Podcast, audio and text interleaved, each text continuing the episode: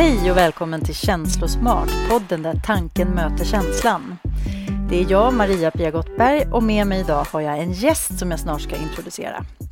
Det är så här, jag har funderat en hel del kring varför jag attraheras av att stanna till i sociala medier och läsa vissa personers inlägg, inlägg medan jag bara helt eh, frankt sveper förbi och är helt ointresserad av andras inlägg. Nu tillbringar inte jag särskilt mycket tid i mina personliga eller privata kanaler. Jag lägger mitt fokus på det här kontot Friendly Family som jag vill förstås passa på att tipsa dig om. Särskilt om du har med barn att göra. De här lite yngre barnen och kanske i rollen som förälder eller annan viktig vuxen. Men bortsett från det så kikar jag då och då in på Facebook i egenskap av att bara vara Maria-Pia, helt utan jobbfokus. Facebook eller Instagram. Och en av de personer som jag nästan alltid stannar till vid och vill kika in och läsa mer om, henne har jag med mig här idag. Hon heter Linda Moberg och vi känner varandra lite grann på ytan, men någonting får mig att vilja veta lite mer om Linda. Hon utstrålar nämligen så otroligt mycket positivitet, glädje och det trots att hon faktiskt precis har genomgått en svår sjukdom med tuffa behandlingar. Varmt välkommen Linda! Tack! Vilket intro! Jag är alldeles rörd! Vad bra, det är en bra start ja. så här i en känslopodd. Ja, verkligen. Blir rör. Jag ser ja. det på dig. Ja. Det blev lite glans i ögonen och lite faktiskt. varm om kinderna, eller hur? Ja, det är inte vad jag räknar med liksom att höra, men jag blir ju både stolt och glad. Jätteglad. Ja, men jag tycker mm. verkligen att det är jättekul att ha dig här och vi har ju bubblat lite innan. Mm. Vi var tvungna att säga att nej, men nu får vi köra igång. men nu vet ju jag lite om dig, men våra lyssnare, vill du berätta lite? Vem är du och vad vill du? Oj, eh, vem är jag? Jag 48 år, eh, bor här i Åkersberga, har två barn och en man. Jag brukar säga att det är tur att det inte är tvärtom. nej, jag får eh, och eh, nej, men är uppvuxen i Alingsås. Eh, så. Jobbar som rådgivare för Nyföretagarcentrum i vanliga fall. Eh, är väl egentligen det som är mitt huvudsakliga yrke, egenföretagare. Eh, en riktig känslomänniska är jag. Eh, alltid varit till både fördelar och nackdelar. Såklart inte jättelätt när man gick i skolan och ha alla känslor på, utanpå kroppen. Så. Eh, ja, tycker om att yoga. Eh, väldigt andligt och spirituellt intresserad. Älskar mat tittar man på mitt Instagramkonto så är det mycket kaffe och lantliv. Ja, ja det, är, det får jag oftast höra. Så. Eh, vad mer? Eh, vad vill du veta? Jo, det var lite svar på den första frågan. Ja. Vem är du och ja. vad vill du? En sån där väldigt stor öppen fråga. Vad, vad brinner du för? Vad vill du åstadkomma här i livet? Sa jag att vi skulle ha tre, fyra timmars podd? Ja, precis.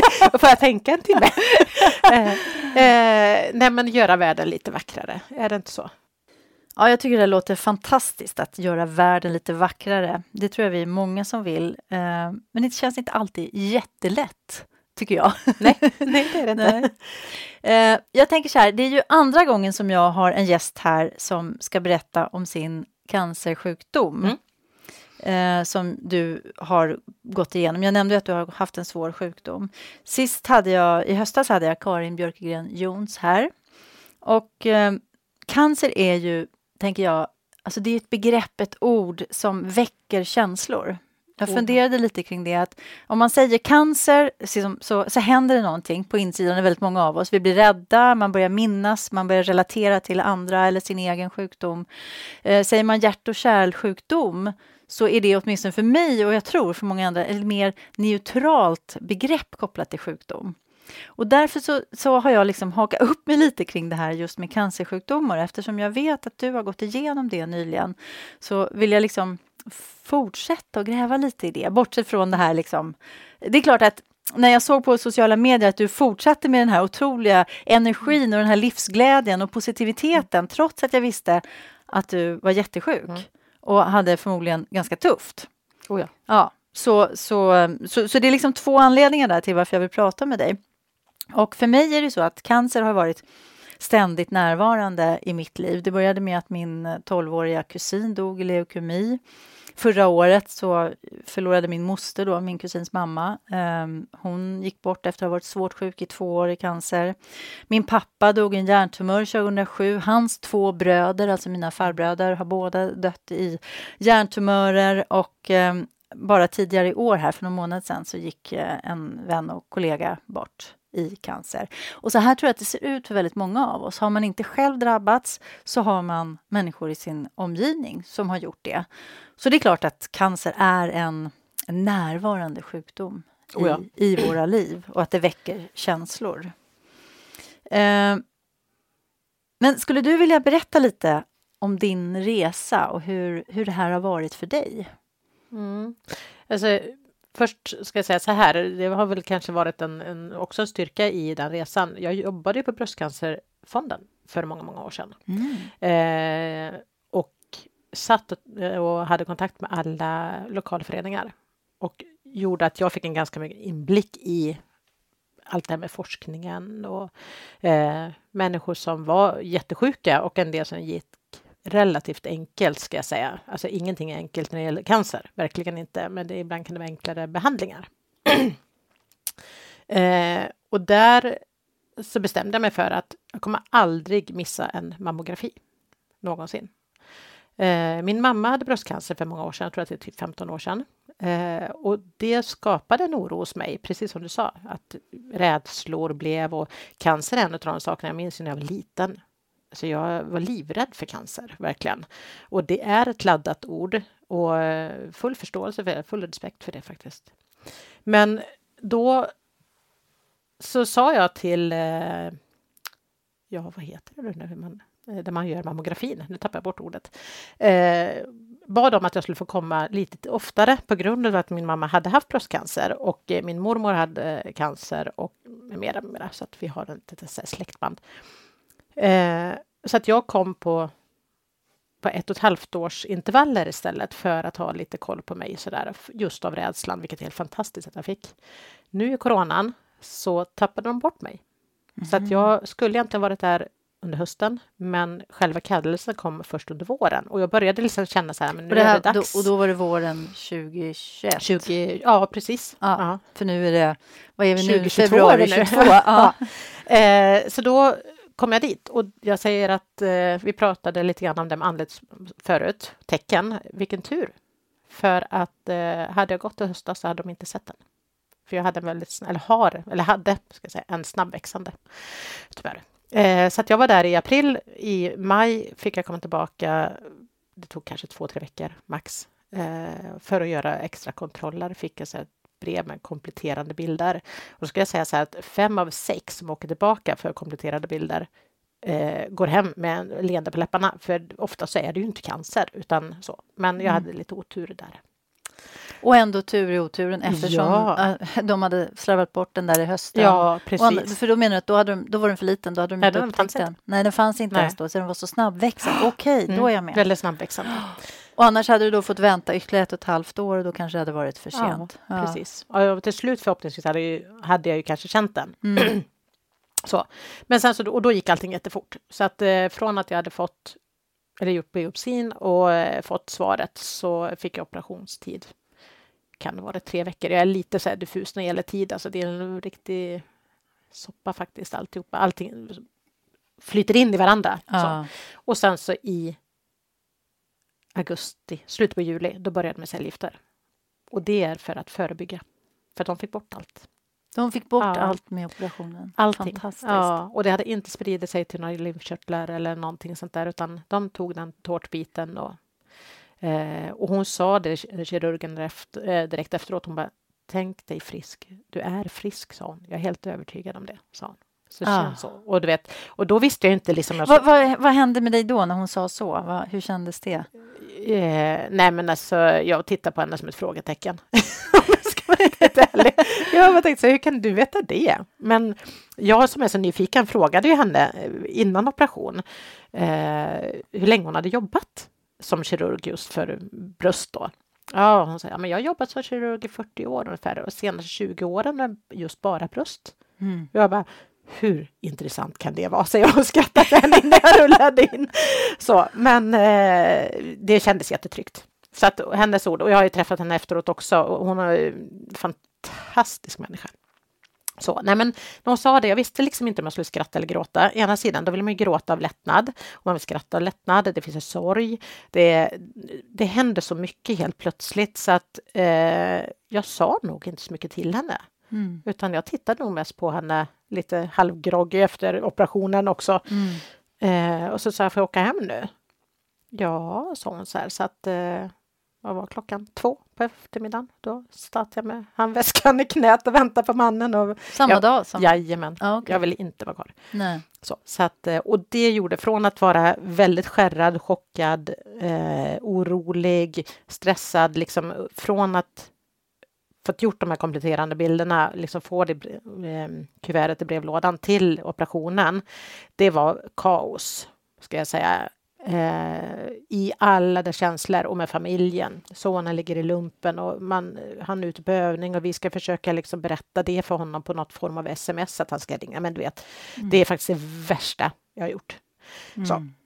Eh, men i alla fall. Efter operationen på eftermiddagen, då var jag mig själv igen. Då var det precis jag bara, då var det bara borta. Jag kände det i hela kroppen. Jag bara, nu är det, ursäkta språket, men nu är skiten borta.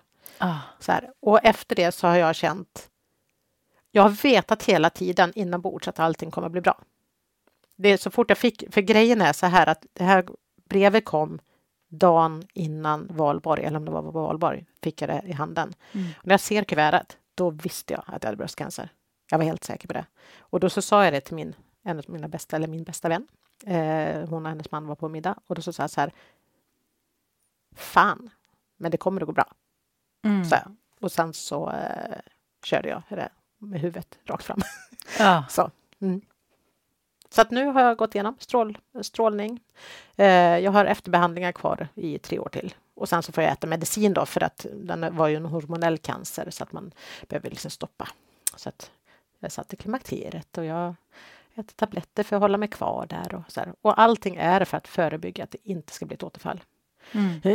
och det var rätt spännande nu kliver jag liksom jättelångt fram, men nu sista mötet med läkaren som jag hade så, så frågade jag honom så här, hur stor är risken egentligen att jag får återfall? Och han bara, ja, man kan ju inte säga du, du, du, man kan bara titta på forskningen, liksom, de är liknande tumörer med, som är så här, med samma egenskaper här. Det är ju en vetenskap som är alltså enorm och det har gått så fruktansvärt snabbt eh, sista tio åren egentligen med forskningen, vilket eh, jag är överlycklig för.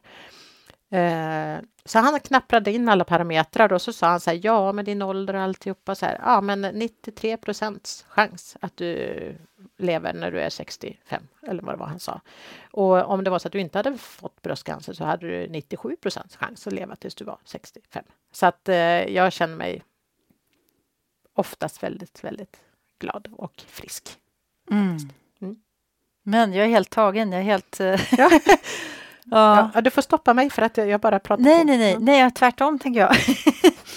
Men alltså, för det måste ju ändå ha varit, alltså det har ju ställt väldigt mycket på sin ända. Vad skulle du mm. säga, vad, vad är det som, vad har varit jobbigast i det här? Alltså, det, egentligen är det väl två saker. Det ena är den fysiska kroppen. Den tar ju jättemycket stryk. Eh, helt ärligt så tror jag aldrig att cellgifter skulle bryta ner den så fruktansvärt. Och då hade jag ju tur, igen då, om man nu kan kalla någonting tur i den här resan, det vet jag inte, men mm. eh, jag fick två olika cellgifter, men just de här kunde man sätta ihop så att jag fick båda två samtidigt. Så jag behövde liksom ba bara ha eh, fyra tillfällen med tre veckors me eh, mellanrum. Hade de inte kommit på det här för några år sedan, då hade de liksom skjutit fram, då hade jag fått gått kanske åtta tillfällen, nio tillfällen tror jag till och med de sa, med olika typer av cellgifter och sådär.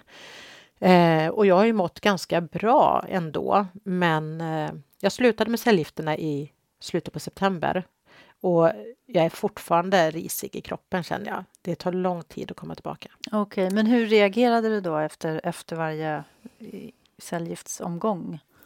Första gången så blev jag ganska spidad, kommer jag ihåg. Då ville jag ut och gå och jag skulle liksom träna och jag skulle hålla på så där. Eh, men jag tror jag var gång tre, då blev det platt fall. Sen då låg jag i soffan och bara tittade rakt fram i tre dagar. Men det var inte så att du kräktes? Nej, ingenting. Sånt. Nej, nej, okay. inte- För det är nej. många som blir så, vet jag. Ja. Och jag var ganska rädd för det, för att jag har hört så många olika historier med vänner och med, man har läst, man har hört allt. Typ just med, jag har en kompis, hon gick igenom bröstcancer för kanske för, jag vet inte om det är tio år sedan. Jag minns att hon sa det, hon hade så ont i sin kropp så att hon kröp på alla fyra när hon skulle till toaletten och kackas. Oj. Ja, och det enda som jag... nu- börjar jag skratta, men alltså det sattes i mina knän, eh, de här cellgifterna. Det var det första tecknen. Jag hade fått den här, liksom, varit där, jag tror att tisdagar, på onsdagen eller torsdagen. Så fick jag ju ta sprutor för att få upp eh, vita blodkroppar också. Så jag vet inte vilket som är vilket, men det sattes i alla fall på mina knän. Så att, Hur då? Alltså jag tappade liksom, jag orkade inte bära mig helt plötsligt. så, att, så att jag och eh, Danne, min man och eh, dottern Ida då, si, eh, sitter i soffan och tittar på tv och så ska jag gå och lägga mig och sova för kvällen. Liksom. Och du vet, man viker sig i benen. och jag skrattar, alltså jag skrattade. Jag var den enda av oss tre som skrattade, så kan vi säga. Men alltså jag skrattade något så fruktansvärt. För Du det blev så- inte rädd eller så? Nej, nej, det blev jag aldrig.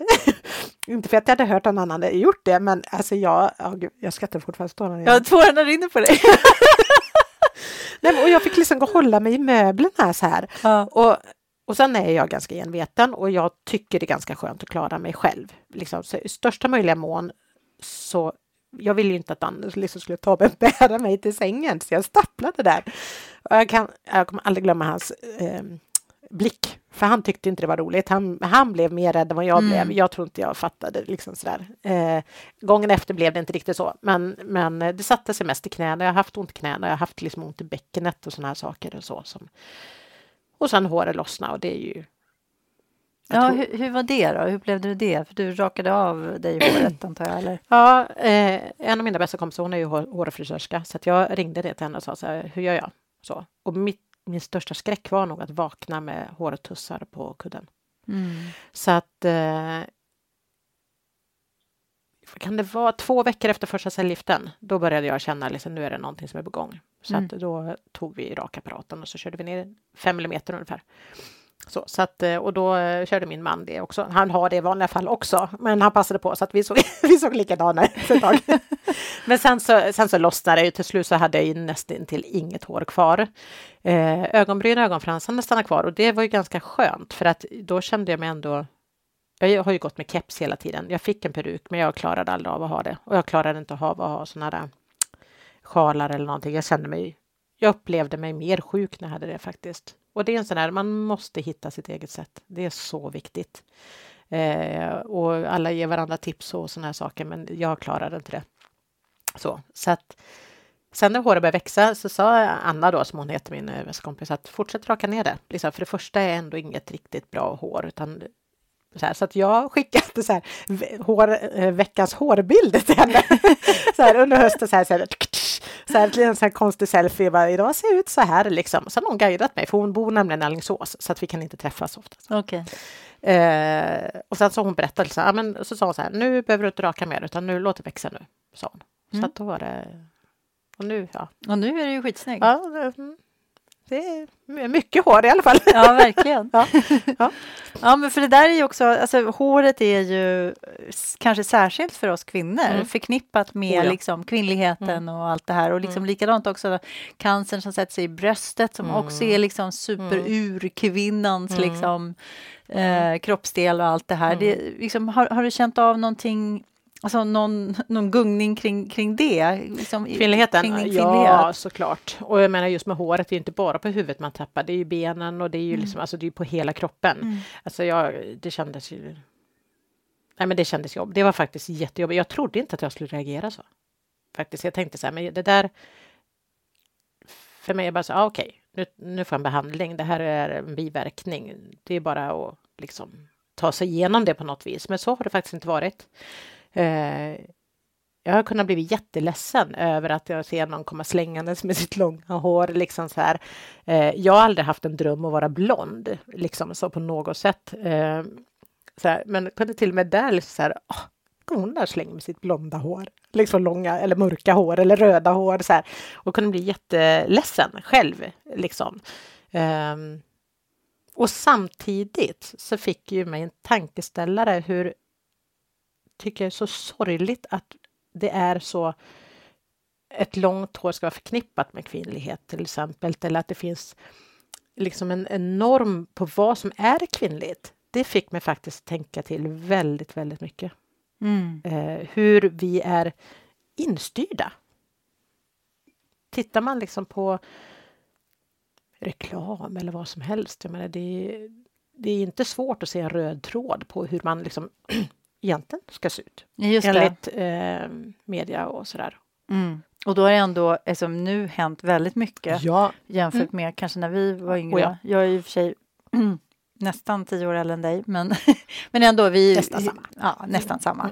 Mm. Så det får man ju vara glad för. Men det är fortfarande, det finns ju fortfarande ideal inom, liksom, de släpper ju inte fram, bara för att man nu kan se runda eh, kvinnor mm. i reklamen så betyder det inte att de ser ut som folk gör mest utan de är fortfarande liksom jäkligt snygga. Oh, ja. och liksom väldigt ja. liksom så här, runda och rultiga mm. på ett mm. vackert och snyggt ja. sätt. Mm. Liksom. Eh, väldigt släta i hyn också. Väldigt släta i hyn, ja. På ett lite misstänkt, ja. misstänkt slätt sätt.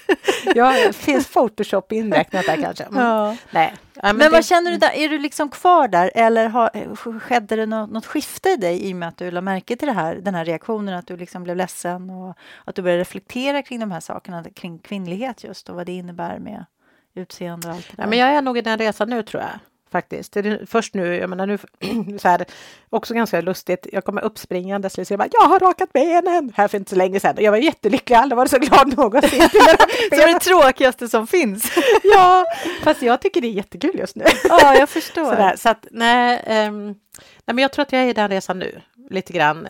Um, när jag fick, eller när, innan jag opererade mig så tog jag kontakt med Bröstcancerfonden såklart och fick en, hade en stödperson där. Och då så sa hon så här till mig att eh, när man får bröstcancer så finns ett före och ett efter. Och jag börjar inse att jag är mera, eller på väg åt det som är efter. Mm. Eh, vilket är, jag kanske har en liten annan syn på saker och ting idag. Och där kommer ju bland annat också kvinnligheten in, eller synen på livet och synen på eh, hur jag tar åt mig, tar till mig saker och vad jag väljer och väljer bort och sådär. Jag märker faktiskt ganska stor skillnad. Sen om det håller i sig, det vet jag inte. Mm. Men, eh, ja, men man får ju en så riktig tankeställare. Kan du ge något exempel om du, om du vill på något sånt här där du, där du gör annorlunda idag mot vad du kanske skulle ha gjort tidigare? Alltså jag säger mycket mer nej. Jag har alltid varit en ja-sägare. Upplever mig själv att vara. jag säger mycket mer nej.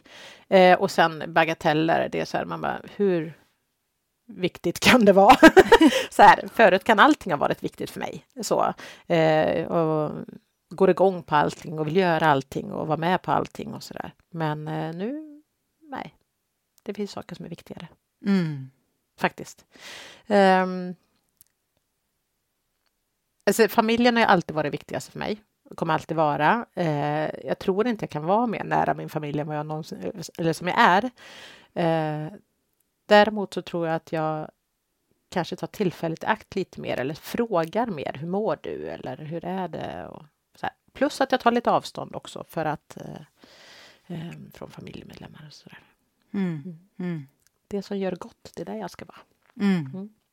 Nej, men och det, för att återkoppla till liksom mm. min inledning, där med det som jag har sett i sociala medier under den här, det här snart året med, med din sjukdom.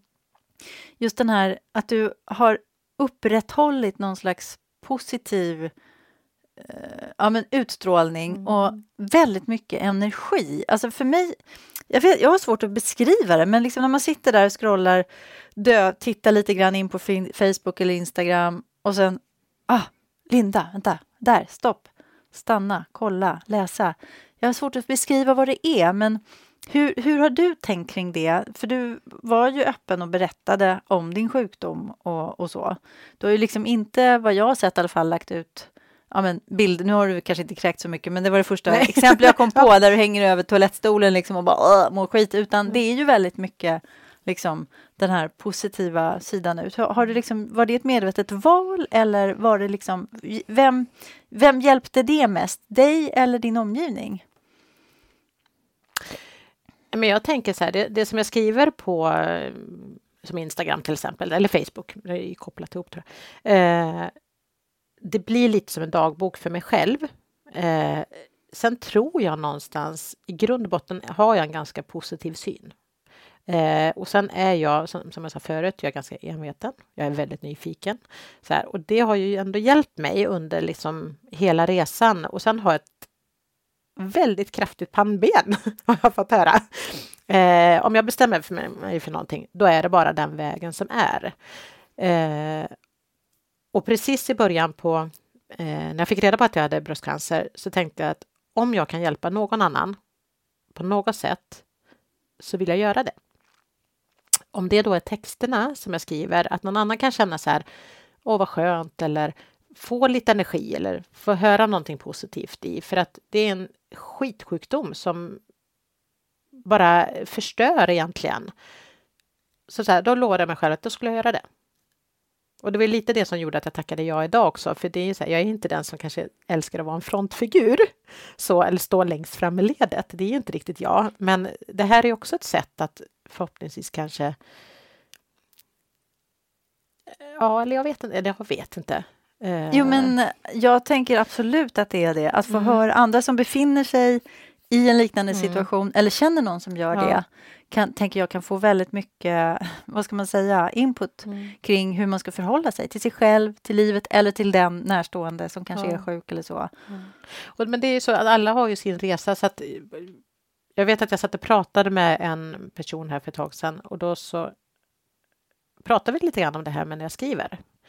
För det är skillnad på när jag skriver eller när jag pratar. Det är någonting som texterna kommer på ett annat sätt. Det kommer liksom både inifrån djupt men också, säger jag, från något annat håll.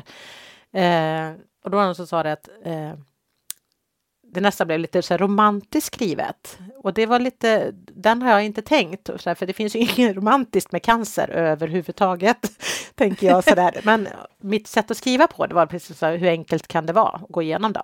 Så här, det blev en, liksom en motsatt effekt. Mm. Det förvånade mig jättemycket, för jag tänker så här, ja, här har jag min text, som, det är så här jag upplever det, det är så här jag tänker, eh, det är så här jag tar emot från andra människor. Alltså jag säger, det, är så, det finns mycket vackra människor i världen. Va? Alltså jag är alltså fascinerad över jag skulle kunna prata bara ett poddavsnitt med alla människor jag mött under den här mm. tiden.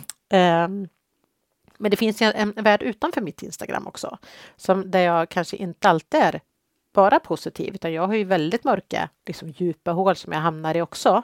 De finns väldigt lite av just nu, men det var ju värre innan och liksom innan jag kanske hade fått svaret efter operationen. Liksom, vad är det för bröstcancer jag har egentligen? Liksom, så vad, vad säger alla de här eh, analyser och allt vad det är de hittar på där. Liksom, så här, när jag skulle få svaret så, då var det ju ganska mycket mörker också. Mm. Eh, och samtidigt har jag haft en, liksom en Men när du, när du befinner dig i det där, det där mörkret som du mm. säger, hur, hur förhåller du dig då till den här andra positiva livsenergin? Kan de leva sida vid sida eller blir det bara nattsvart jättemörkt då? Ja, det blir nog ganska nattsvart, tror jag. Eh, och sen har jag haft en regel ända sedan jag var ganska liten att jag får vara, vara i mitt nattsvarta i tre dagar.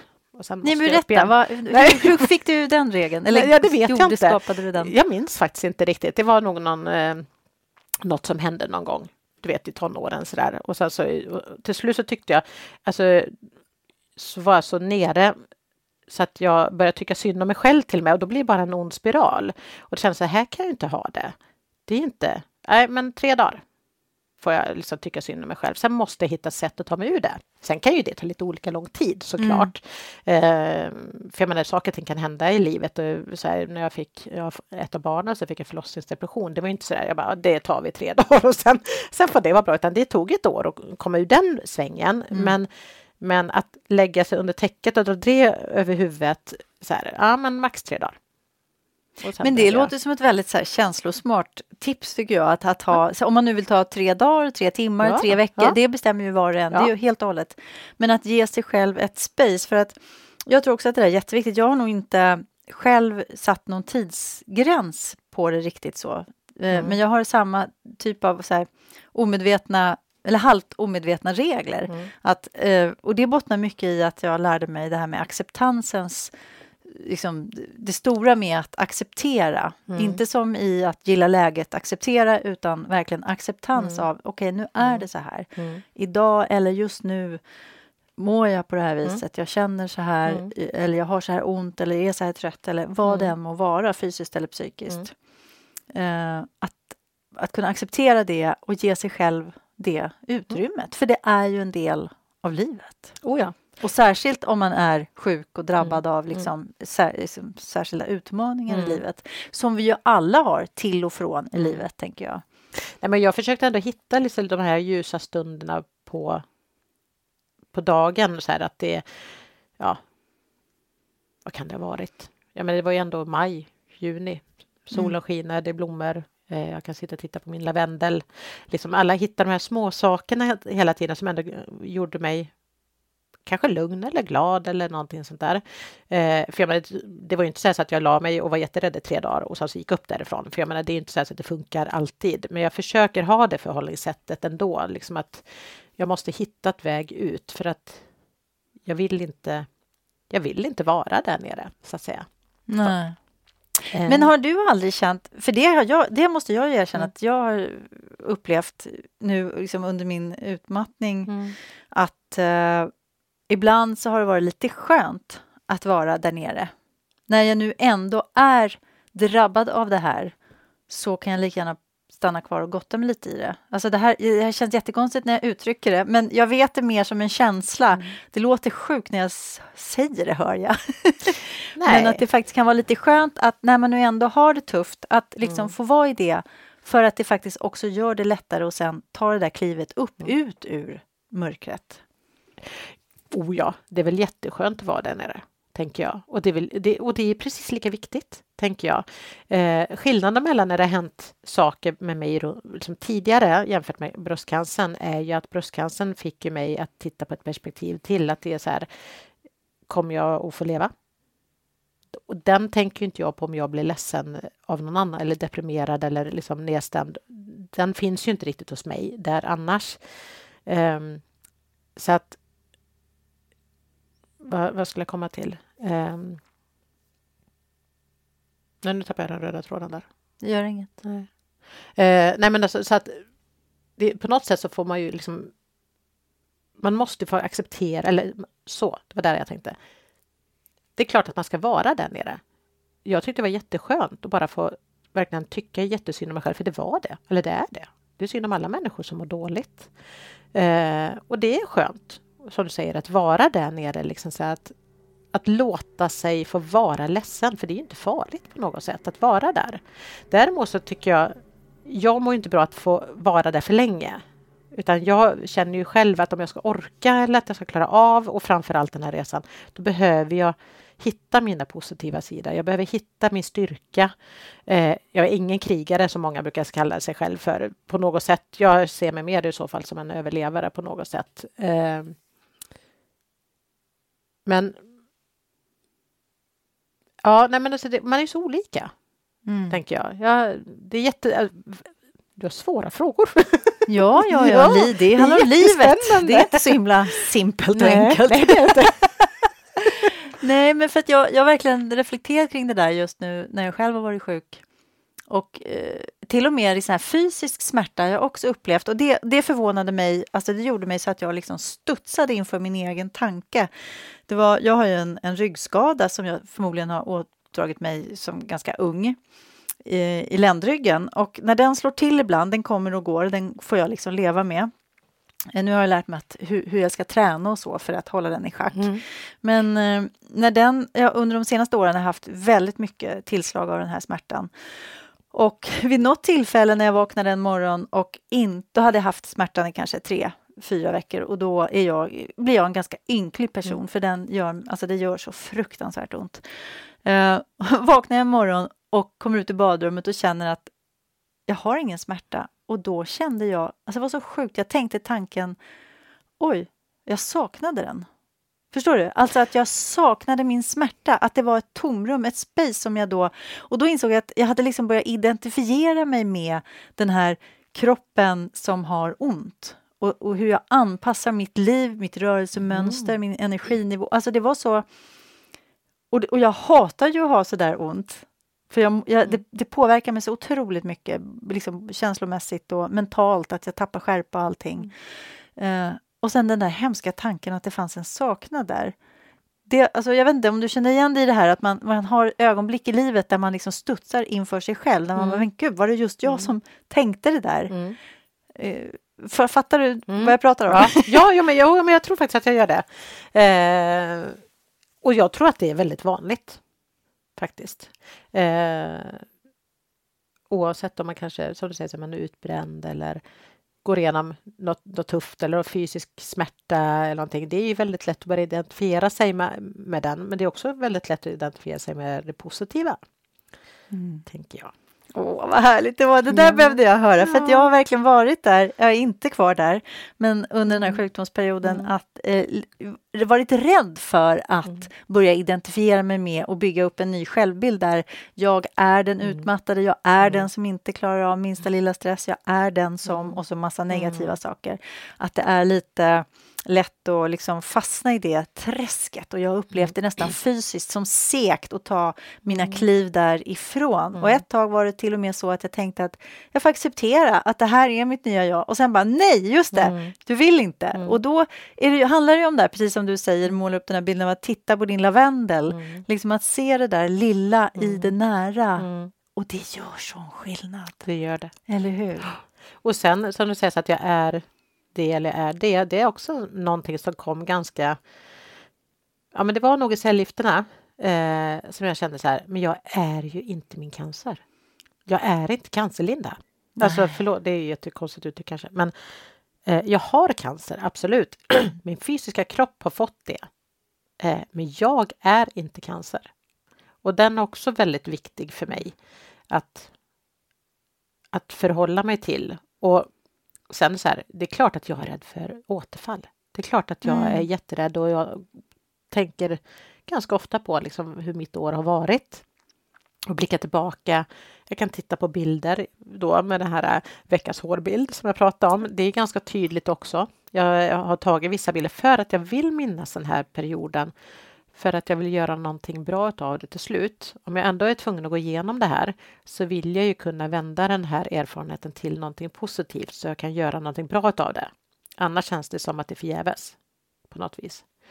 Eh, men det är klart att när jag sitter och tittar på bilden när jag ser, man ser ju ögonen.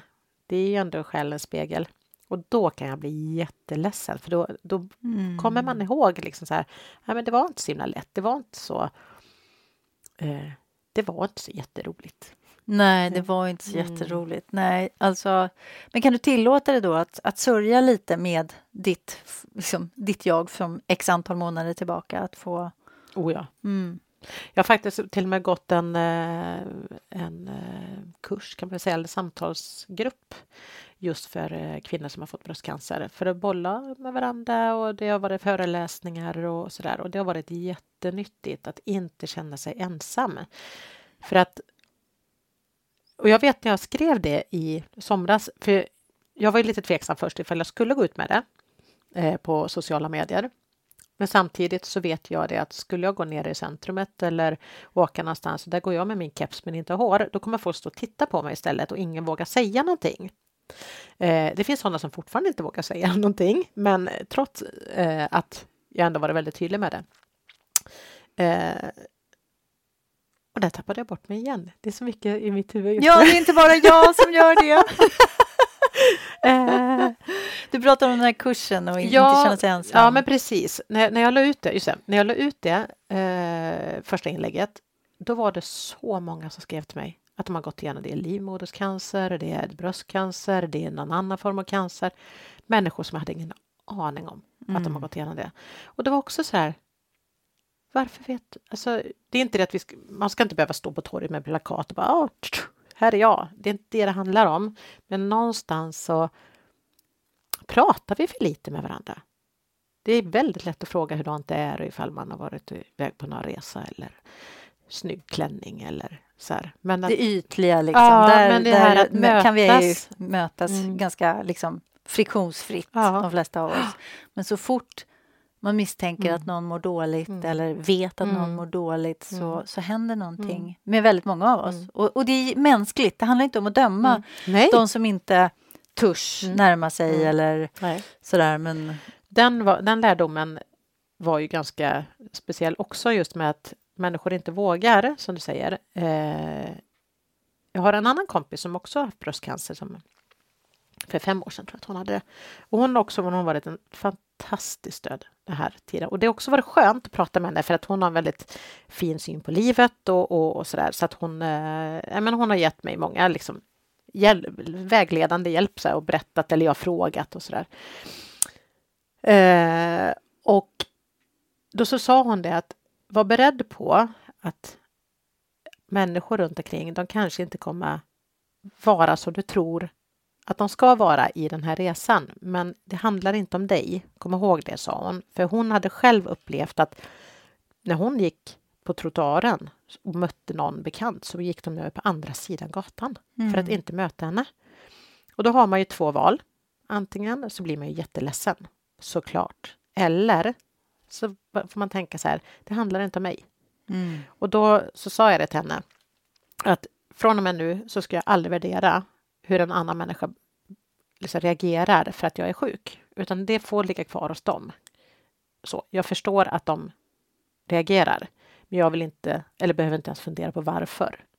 Och det har varit ganska stor hjälp när jag har mött folk nere i centrumet som har tittat ner eller mm. vänt ryggen till eller, eller liksom de har sett mig och så bara precis, oh, jag har glömt att köpa mjölken och bara springer iväg på Ica igen och sådär. Mm. Lite förvånande, men eh, hade jag inte haft det samtalet med henne så hade jag nog varit jätteledsen över att bli bemött på det sättet. Men det har jag inte blivit. Ja, nej, men, och så bra att du nu mm. sprider det vidare ja. ut ja. genom mm. våra hos lyssnarna här. För att jag, jag tänker att Ja, men det där är, svår, det är svårt. Men jag, då, då var du liksom förberedd mm. på något vis. Och det där mm. tänker jag, det, det, kan man ju applicera på alla möjliga oh ja. situationer i mm. livet egentligen. Eh, men det är väl just när man ställs, när saker och ting ställs på sin spets och när man som du säger ställer sig själv frågan, kommer jag få leva eller inte? Mm. Mm. Då blir ju sådana där saker verkligen mm. viktiga på riktigt. Annars kan man ju gå och liksom älta sånt där. Jaha, varför, varför gick han över på andra sidan mm. gatan? Eller varför fick hon så bråttom iväg där när vi stod möttes på i, hyllan på Ica? Liksom. Och det där kan ju bli ja, sådana här skitsaker som, ja. som man förstorar upp. Mm. Och det var det som du frågade förut, just vad som har varit jobbigt. Jag sa att det första är den fysiska kroppen. Mm. Det andra är ju just de, livet, alltså själen. Det är ju det enda som också faktiskt har gjort väldigt ont i det och få ställa sig frågan, precis som så här, kommer jag få leva? Eh, hur gör jag nu? Så här. Vill du berätta lite mer om det? Ja, alltså den är ju egentligen, och den är fortfarande tuff faktiskt, för den kommer ju tillbaka. Och det är ju, eh, många säger så här, men det är på natten det händer och det, jag får nog säga det, att i perioder så har jag haft väldigt svårt att sova på nätterna, man ligger och grubblar och man försöker sova och så, du vet, och det, så. Till slut har jag gått upp och tittat på film på nätterna faktiskt. Men då har det kommit de här frågorna, liksom, om jag nu, tänk om de inte får fatt på det, tänk om jag inte hinner. Eh, tänk om frågorna. Kommer jag få se mina barnbarn? Kommer jag eh, få se min dotter ta studenten? Som inte är jättelångt bort, men man vet aldrig. Eh, kommer jag få gå i pension? Jag och min man, vi brukar skoja, vi har liksom en liten scen för oss, det var internt skämt om när vi är pensionärer. så här, tänk om jag inte får uppleva det? Ska inte, ska inte vi få göra det tillsammans?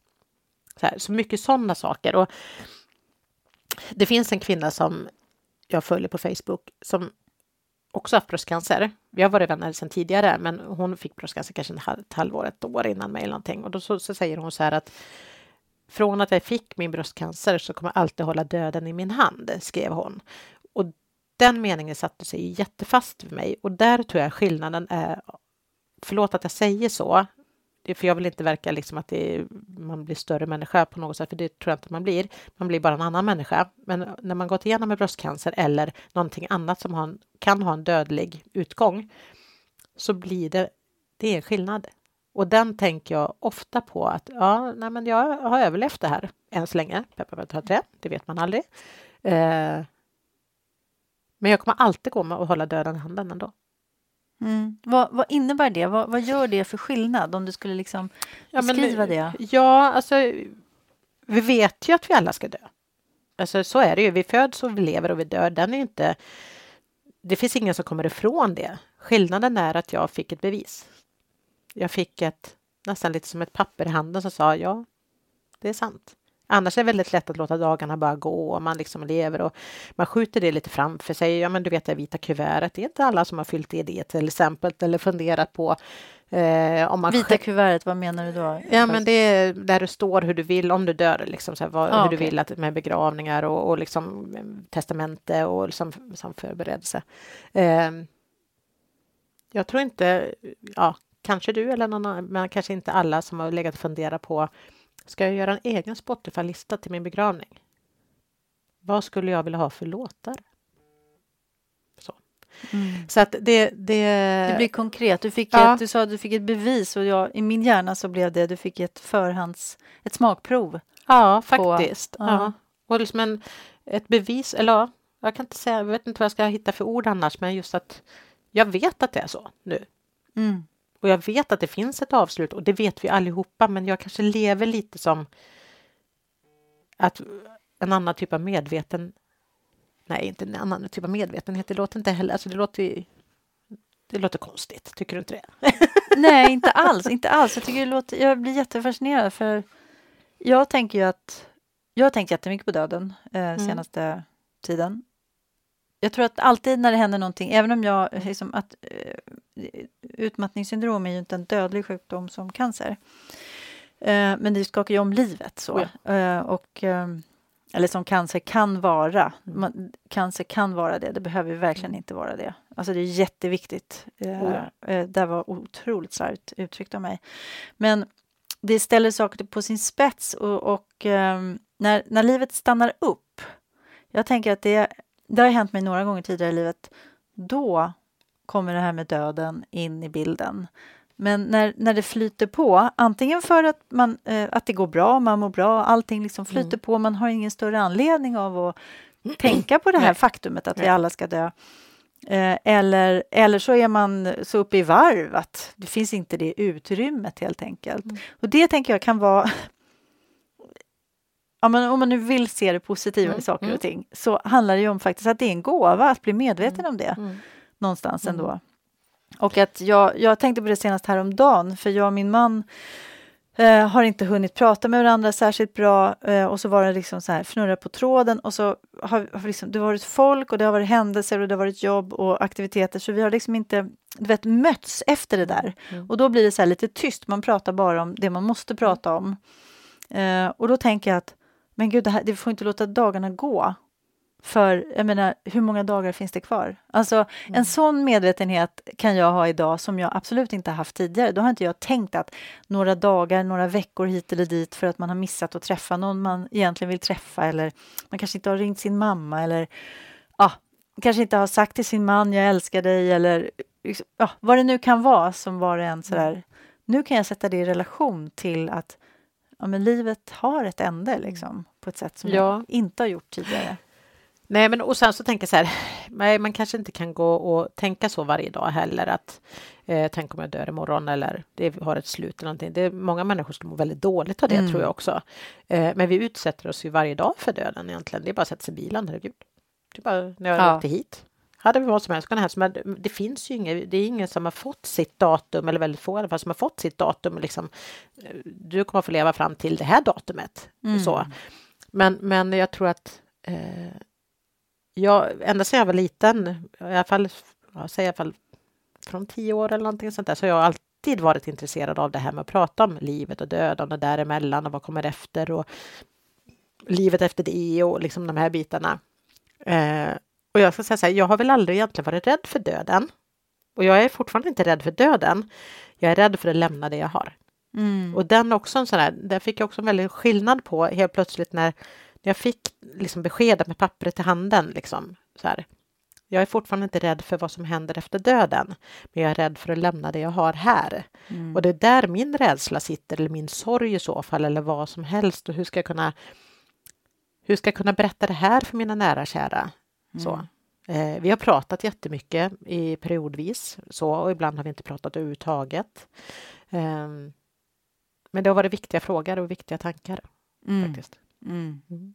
Och hur, för du nämnde det här att du har ett stort andligt intresse. Mm. Hur, på vilket vis har, har det var liksom stärkt dig i det här? Ja, men det, ja, det har det nog gjort. Fast jag kanske inte tänkt så mycket på det. Eh, men det, det tror jag.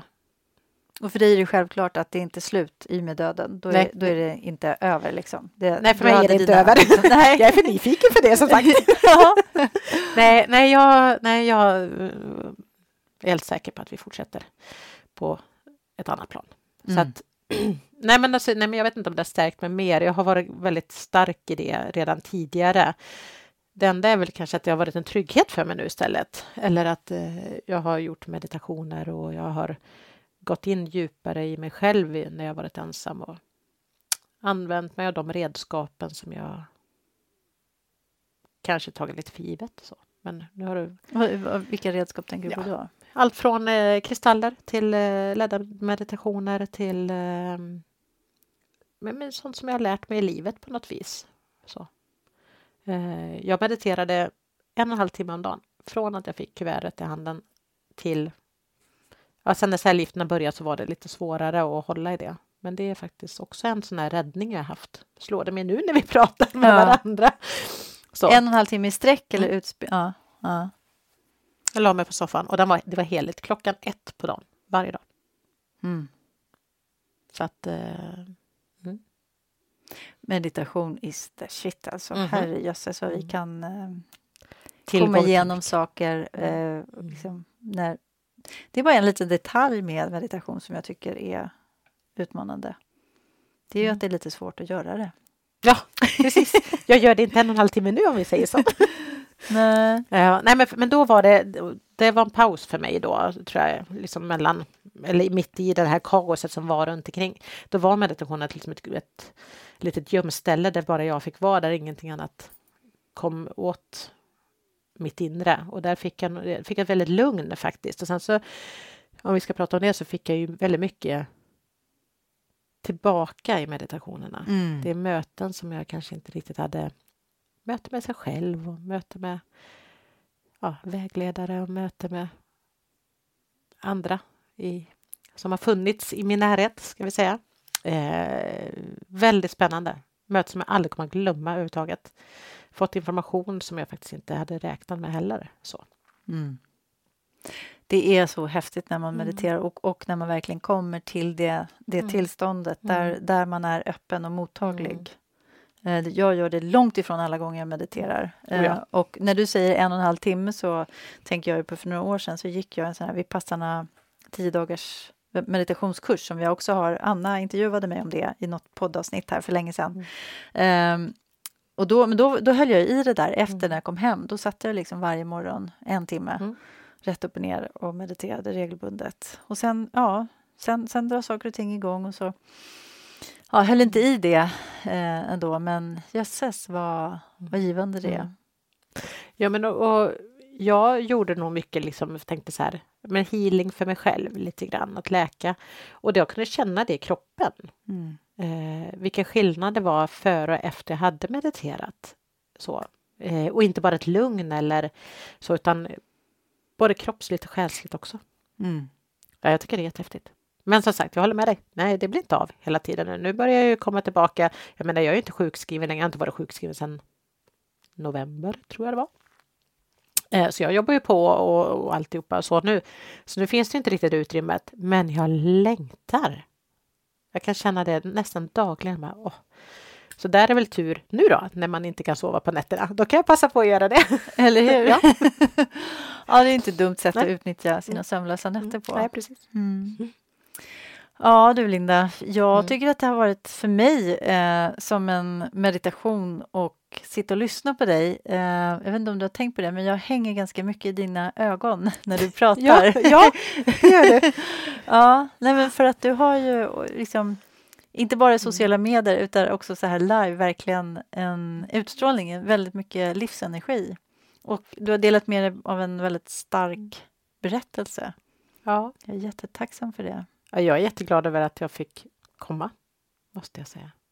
Och sen när jag ändå har eh, dig och Anna på tråden, får jag skicka en liten hälsning till Anna?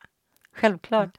För många år sedan så var jag hemma hos henne, vi var ett gäng som träffades och då sa hon en mening så här, när hjärtat sjunger, då vet jag att jag är på rätt plats. Någonting sånt sa hon till mig och det är min lärdom också. Den håller jag jättehårt med, så vill jag bara tacka henne för.